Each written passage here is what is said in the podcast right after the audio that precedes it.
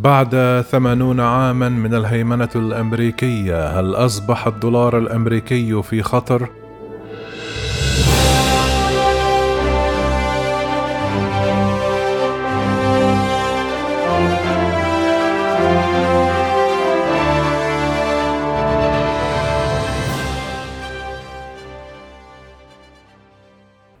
في الوقت الذي يحذر فيه خبراء اقتصاديون من خطورة جعل العملة الأمريكية سلاحًا، تظهر التساؤلات عما إذا كان الدولار سيبقى في مكانته كعملة احتياطية عالمية بعدما يقرب من ثمانون عامًا من هيمنته، مع محاولات روسية وصينية في التنافس في هذا المجال.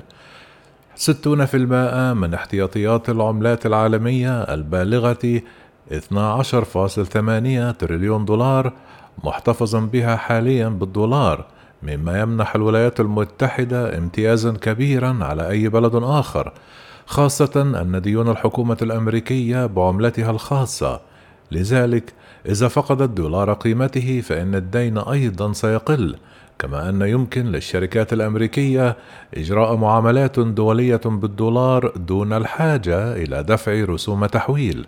وفي بعض الظروف قد تلجأ الولايات المتحدة إلى منع وصول الدولار إلى بعض البنوك المركزية في أي بلد في العالم، مما يؤدي إلى عزل واستنزاف اقتصاداتها، مما يجعله سلاحًا اقتصاديًا للدمار الشامل.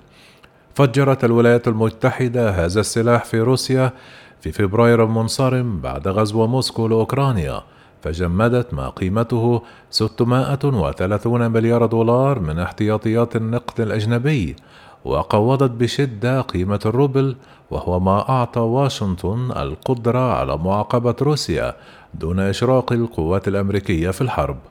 لكن مع القوة الهائلة تأتي مسؤولية كبيرة فعندما يستخدم سلاح دمار شامل ولو كان اقتصاديا يصاب البعض بالفزع فيلجؤون إلى حماية أنفسهم من نفس مصير روسيا في يوم من الأيام فتنوع البلدان الأخرى استثماراتها بعيدا عن الدولار الأمريكي إلى عملات أخرى. كما يرى باحثون أن جعل الدولار سلاحا قد يؤدي إلى تراجعه مستقبلا. ووجدت ورقة بحثية جديدة أعدها صندوق النقد الدولي أن حصة الدولار من الاحتياطات الدولية استمرت في انخفاض على مدى العقدين الماضيين وبدأ ذلك في الوقت الذي بدأت فيه الولايات المتحدة حربها على الإرهاب وعقوباتها المتصلة بمكافحة الإرهاب. منذ ذلك الحين تحول بعض احتياطات الدولار إلى الوان الصيني وإلى عملات بلدان أصغر كما يحذر المشاركون في الورقة البحثية من أن هذه الملاحظات قد تعطينا لمحة عما يمكن أن يتطور إليه النظام الدولي في المستقبل.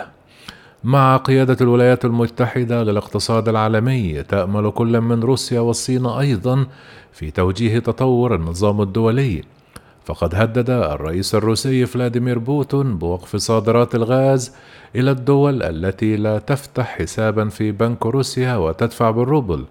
وفي وقت يحصل فيه الاتحاد الأوروبي على أربعون في المائة من غازه وثلاثون في المائة من نفطه من روسيا. في غضون ذلك أشارت تقارير إلى أن المملكة العربية السعودية تجري محادثات مع بكين لقبول مبيعات النفط الصينية باليوان بدلا من الدولار. لذا يبقى التساؤل هل باتت الإطاحة وشيكة بالعملة الأمريكية؟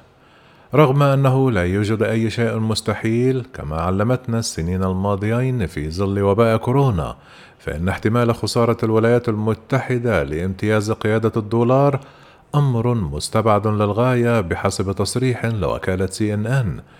يعزو تحليل الشبكة سبب ذلك إلى أن البدائل ليست رائعة. فقد كانت الصين تضغط على اليوان منذ سنوات ولا تتم معاملات عالمية بهذه العملة إلا بنحو ثلاثة في المائة فقط مقابل أربعون في المائة بالدولار. كما لا تزال الولايات المتحدة الأمريكية أيضا جذابة استثمارية إلى حد ما لبقية العالم. فعلى سبيل المثال فإن سوق الأسهم الأمريكية هو أكبر سوق للأوراق المالية وأكثرها سيولة في العالم. كما يتدفق رأس المال الأجنبي إلى البلاد فبينما نمت تدفقات الاستثمار الأجنبي المباشر في العالم بنسبة 77% إلى ما يقدر خمسة وستون تريليون دولار في عام 2021 ارتفع الاستثمار في الولايات المتحدة بنسبة 114% إلى 323 مليار دولار وفقا لمؤتمر الأمم المتحدة للتجارة والتنمية. لكن الشبكة بناء على رأي المحللين تقول أن الربع الثاني من العام الجاري قد يكون مضطربا مع استمرار الغزو الروسي لأوكرانيا وارتفاع معدلات التضخم وتسريع خطة الاحتياط الفيدرالي لزيادة أسعار الفائدة مما يخلق سلسلة من التحديات الفريدة للمستثمرين. خلال الربع الأول من عام 2020 الذي انتهى هذا الأسبوع سجلت مؤشرات الأسهم الرئيسية أسوأ أداء لها منذ عامين وبينما يتطلع البعض إلى الاستثمار في أسواق الطاقة والسلع والمنتجات الخام بسبب تأثير الحرب على أوكرانيا فإن البعض يفضل عدم الرهان على النفط والطاقة لأن أسعارها متقلبة. وبعدما فاجأ الغزو الروسي لأوكرانيا الأسواق في جميع أنحاء العالم فقد انتشرت الاضطرابات عبر أسواق الطاقة والسلع وحتى قضايا انعدام الأمن الغذائي. يرى آخرون أنه ربما حان الوقت للنظر إلى الأصول الحقيقية على أنها وسيلة للتحوط من التضخم وهذا يعني الاستثمار في السلع والعقارات والأراضي والمعدات والموارد الطبيعية.